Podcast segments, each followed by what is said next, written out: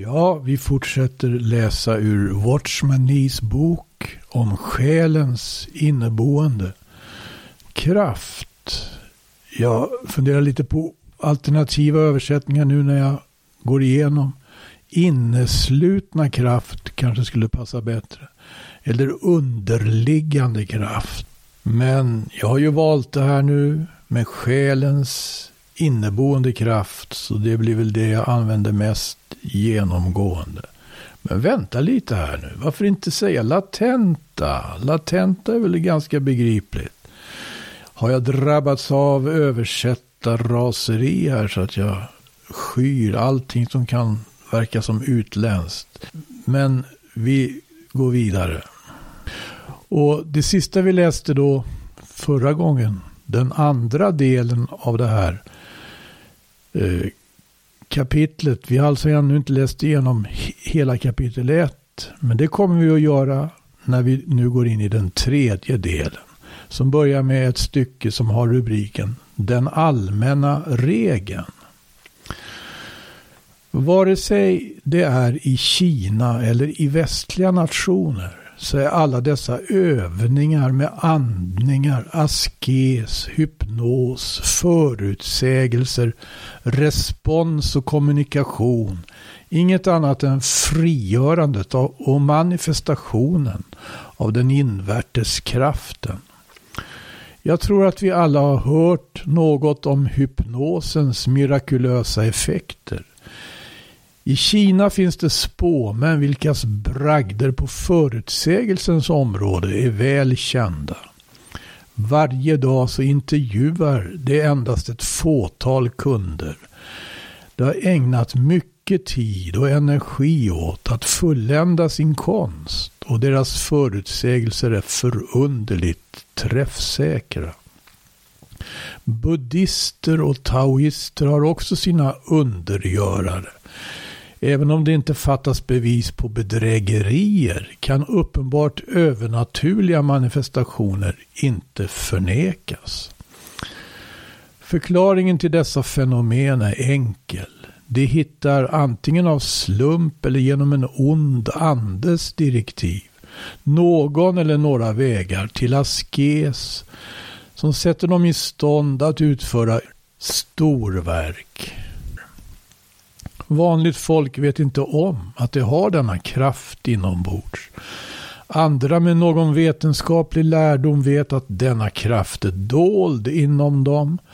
Men det kan inte förklara hur det kan vara så. Vi som har blivit undervisade av Gud vet att denna förmåga är den inneslutna kraften i människans själ som nu är bunden av köttet efter Adams fall. Denna kraft föll med människan för att den enligt Guds vilja inte skulle användas mer. Men Satan åstundar att utveckla denna underliggande förmåga för att få människan att känna att hon är lika rik som Gud. Vilket överensstämmer med de löften som Satan gav åt människorna. Sålunda kommer människan att tillbe sig själv även om det indirekt är tillbedjan av Satan. Därför är Satan bakom alla dessa parapsykologiska efterforskningar.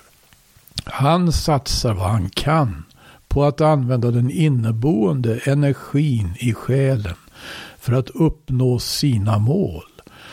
Av den anledningen kan ingen som utvecklar denna kraft i sin själ undvika att kontaktas och utnyttjas av den onde anden.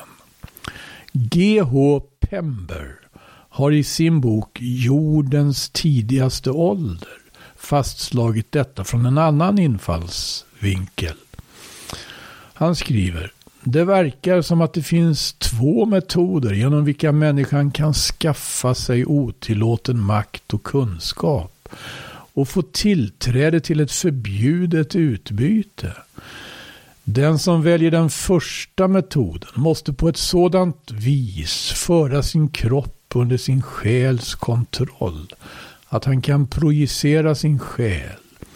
Utvecklandet av dessa färdigheter är onekligen möjliga endast för ett fåtal.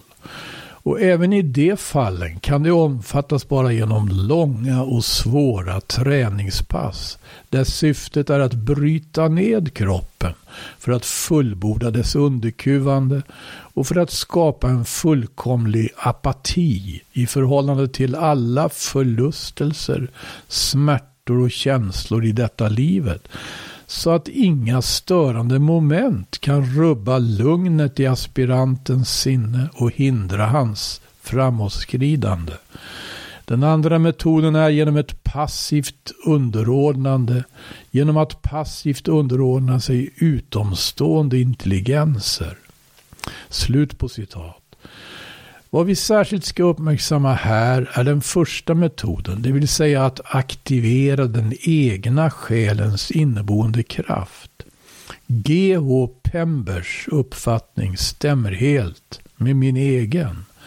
Buddhisternas askes, taoisternas andningar och abstrakta meditationer, hypnotisörernas meditationer och koncentrationer, det tysta sitt vettandet hos dem som tillhör Unity Club.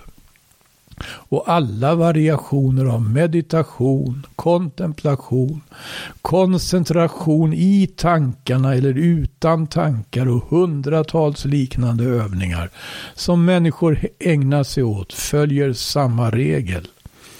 Hur olika deras tro och kunskap än må vara vad alla gör är att föra människans förvirrade tankar, oroliga känslor och svaga vilja till en plats av stillhet med köttet fullständigt underkuvat och därigenom möjliggöra frigörandet av själens inneboende kraft. Anledningen till att detta inte manifesteras hos en och var är att inte alla kan bryta igenom köttets barriär och föra alla allmänna psykiska uttrycksformer till en fullkomlig stillhet. Nästa stycke har rubriken Några fakta. För flera år sedan gjorde jag bekantskap med en indier. Han berättade för mig om en hans vän inom hinduismen som kunde avslöja människors hemligheter. Han bjöd hem honom och helt riktigt kunde denne hindu tala om allt som han hade lagt i varenda låda i sitt hus. En stund senare bad min indiske bekantskap sin vän att gå ut på tomten utanför medan han höljde in ett mycket dyrbart föremål i säckväv och papper innan han lade det i en box som han placerade i en låda med lås.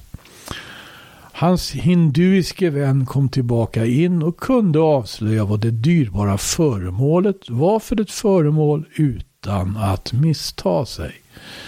Detta berodde utan tvivel på användandet av den själens kraft som förmådde tränga igenom alla fysiska barriärer. Fru Jessie Penn Lewis, som jag tidigare har citerat, skrev en gång följande. Jag mötte en gång en man i norra Indien som hade tillgång till de högsta kretsarna i samhället i Simla vilket är den indiska regeringens sommarresidens. Och han berättade en kväll för mig om sitt samröre med Mahatmas i Indien och i andra länder i Asien. Mahatma, det betyder alltså stor ande. Och det har någon slags likhet med det vi kallar för helgon.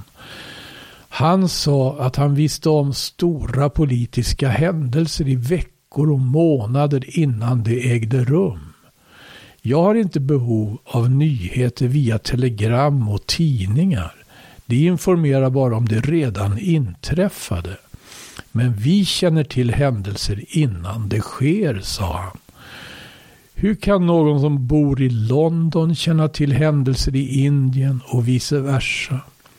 Det, förklar, det förklarades för mig att det var genom själens kraft som projicerades av människor som kände till Mahatmas hemligheter. Slut på citat.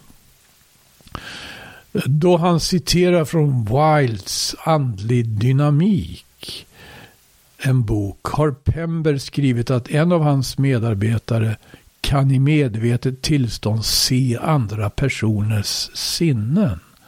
Han kan agera genom själens kraft på utomstående andar.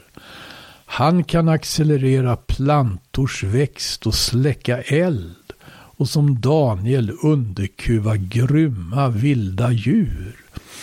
Han kan skicka sin själ på uppdrag på långt avstånd och där kan han inte bara läsa andras tankar men tala till och röra vid föremålen på avstånd. Och inte bara det, men han kan ställa fram sin andliga kropp för sina vänner på avstånd.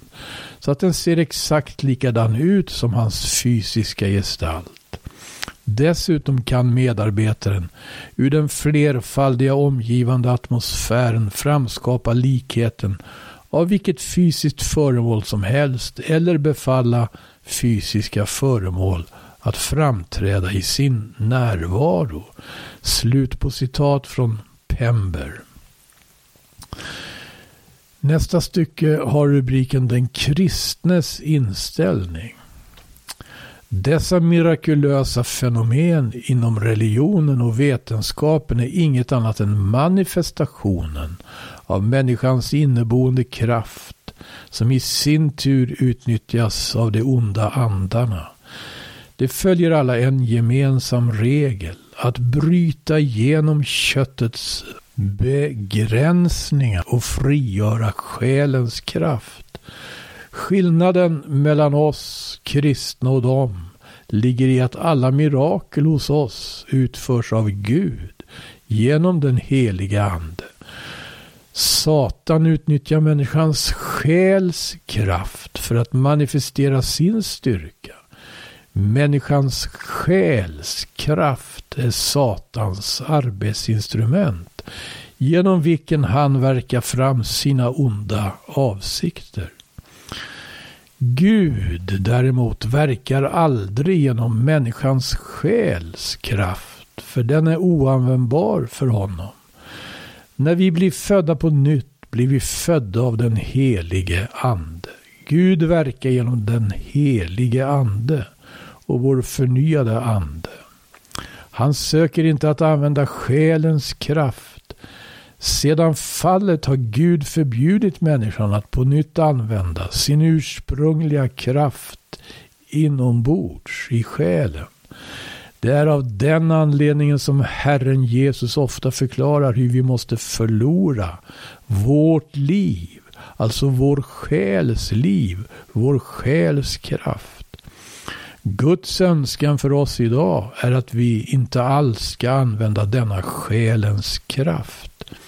Vi kan inte säga att alla under som utförs i världen är falska. Vi måste erkänna att många av dem är verkliga. Men alla dessa fenomen produceras av själens inneboende kraft efter Adams fall. Som kristna måste vi vara väldigt försiktiga i ändens tid att inte röra upp själens inneboende energi, vare sig avsiktligt eller omedvetet. Låt oss igen återvända till de skriftställen som vi läste från början. Vi lägger märke till att vid tidsålderns slut kommer Satans särskilda verksamhet med de onda andar som står under honom bestå i handel med människors själars krafter. Syftet är att helt enkelt fylla denna världen med själens inneboende kraft. En korrespondent för tidskriften Övervinnaren, Overcomer, gjorde följande jämförelse. Psykes krafter, det är själens krafter, ställer upp sig mot pneumas krafter eller andens kraft. Slut på citat. Alla som har andlig insikt och känslighet förstår verkligheten av detta uttalande. Själens krafter strömmar mot oss som en störtflod genom att använda vetenskapen psykologi och parapsykologi, religion och även en ignorant kristenhet i dess överdrivna sökande efter övernaturliga manifestationer utan att vinnlägga sig om att kontrollera de andliga gåvorna enligt skriften orsakar Satan att världen fylls med mörkrets makt. Men det är bara Satans sista och slutgiltiga förberedelse för Antikrists uppenbarelse. Det som i sanning är andliga, det vill säga det som motsätter sig själens kraft, känner överallt omkring sig hur motståndet accelererar genom de onda andarna. Hela atmosfären är så förmörkad att de upplever att det är svårt att gå framåt.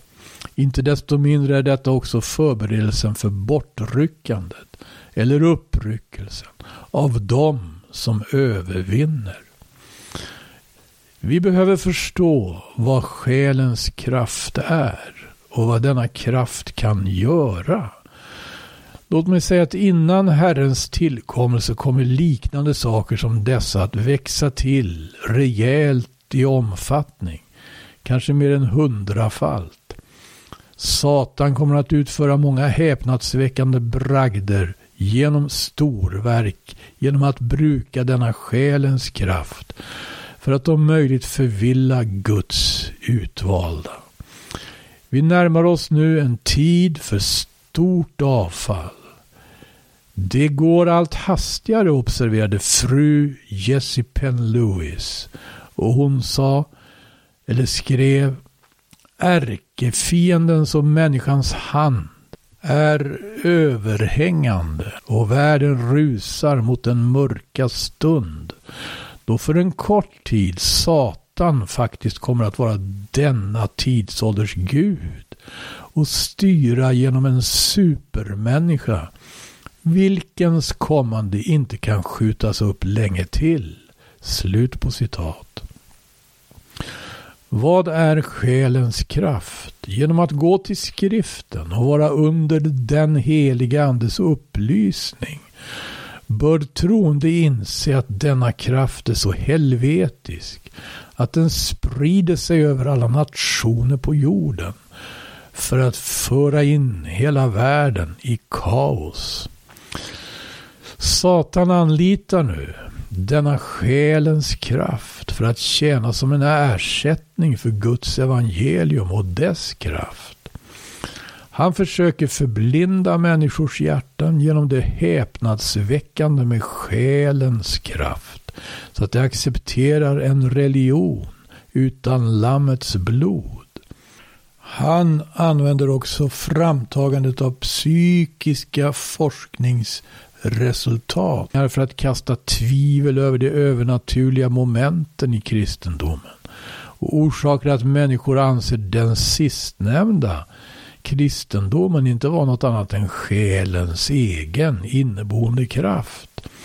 Han syftar till att ersätta frälsningen i Kristus med psykisk kraft. De pågående försöken att ändra på dåliga vanor och dåligt temperament med hjälp av hypnos är en förlöpare till detta. Guds barn kan bli beskyddade bara genom att känna till skillnaden mellan ande och själ. Om korsets djupare verk inte har någon bäring på vårt adamitiska liv och om inte genom den heliga ande en verklig livsförening sker med den uppståndne Herren så kan vi omedvetet utveckla vår själs inneboende kraft. Det kan vara till hjälp här att citera från Jesse Penn Lewis. Själens kraft i strid mot andens kraft. Det är själva stridsfältet idag.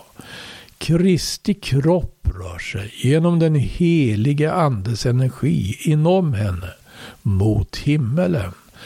Denna världens atmosfär tätnar med psykiska moment bakom vilka luftens fiende här hopar sig. Enda säkerheten för Guds barn består i en erfarenhetsmässig kunskap om livet i förening med Kristus, i vilken hon dväljs med Kristus i Gud. Ovanför den förgiftade luft i vilken försten över luftens härsmakt driver sin verksamhet. Kristi blod, förening, Kristi kors, för identifikation i döden, den uppståndne och himlafarne, Herrens kraft, genom den helige Ande, ständigt förkunnad, anammad och åtlydd, kommer att föra kroppens lemmar igenom i seger för att förenas med det uppstigna huvudet. Slut på citat. Mitt hopp idag är att du ska få hjälp att känna till såväl källan till som operationerna hos själens inneboende kraft. Må Gud prägla oss med det faktum att där själens kraft befinner sig, där befinner sig också den onde anden. Vi bör inte använda den kraft som kommer från oss, utan vi bör hellre använda den kraft som utgår från den heliga Ande. Låt oss särskilt förneka själens inneboende kraft, så att vi inte hemfaller åt Satan. För själens kraft har genom Adams synd redan fallit under Satans välde och har blivit den sistnämndes arbetsredskap. Vi måste därför iaktta stor vaksamhet mot Satans bedrägerier. Då har vi läst igenom hela kapitel 1 i den här boken och vi kommer nu in på kapitel 2 som har rubriken Den kristne och psykisk kraft. Och jag hinner nog läsa några rader också i det här kapitlet. Vi har redan sett hur Adam blev utrustad med ovanliga och häpnadsväckande förmågor då han blev skapad av Gud. Dessa till synes mirakulösa krafter föll tillsammans med Adam. Människor som är okunniga tenderar att tänka att vid sitt fall förlorade Adam alla underbara egenskaper. Men det bevis som presenteras av modern parapsykologi till exempel ger vid handen att Adam inte förlorade sin ursprungliga kraft men den har blivit fördold i hans själ. Under de senaste fem eller sex tusen åren har det varit ett antal icke-troende som har varit i stånd att demonstrera denna själens kraft. Under de senaste hundra åren har allt fler människor blivit i stånd att manifestera själens inneboende kraft. Adams ursprungliga förmåga har inte gått förlorad. Den är bara undangömd bakom hans kött. I denna del av budskapet vill jag tala om förhållandet mellan den underliggande psykiska kraften och den kristne. Om vi inte känner till farorna kan vi inte veta hur vi ska gardera oss mot dem. Jag inbjuder er att observera fyra fakta som jag ska peka på. Så långt från Watchman Nees bok idag. Eh, några kommentarer då här till slut. Eh, jag tycker det är ganska intressant. Det här är alltså ett budskap som Watchman Nee bar fram under 30-talet. Och som sedan blev nedskrivet. 30-talet, det är ju mm, det är inte ännu hundra år sedan, men det är ju väldigt länge sedan.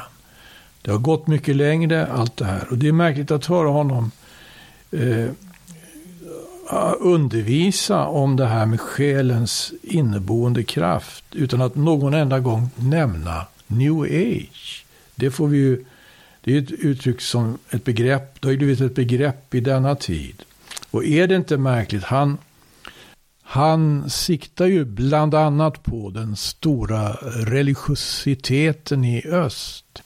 Och hur han själv har erfarit den. Vi tänker på hur östens religioner och filosofier faktiskt kom sköljande över eh, väst under 60-70-talet. Och sedan har väl mer eller mindre etablerat sig ganska så bergfast. Det här är ju ett ganska så intressant historiskt dokument, förutom då alltså att, att det faktiskt är ett mycket allvarligt ämne. Och jag skulle också vilja eh, kommentera det att han helt enkelt att han, att han avråder från att använda själens kraft. Eh, vi vet ju, förstår ju nu att han talar inte om själens kraft i allmänhet som helt nödvändigt att använda i umgänget med människor. Vår, våra tankar, våra känslor, vår vilja går inte annat än att, att och, och, använda. Men han, han, han siktar inte på det, utan han siktar på den underliggande, inneboende kraft som han menar att människor har ärvt efter Adam. Och som har fallit med Adam. Och det han definitivt varnar för att den här kraften skulle användas i Guds tjänst. Det låter sig icke göra. Ja, jag tackar för den här gången.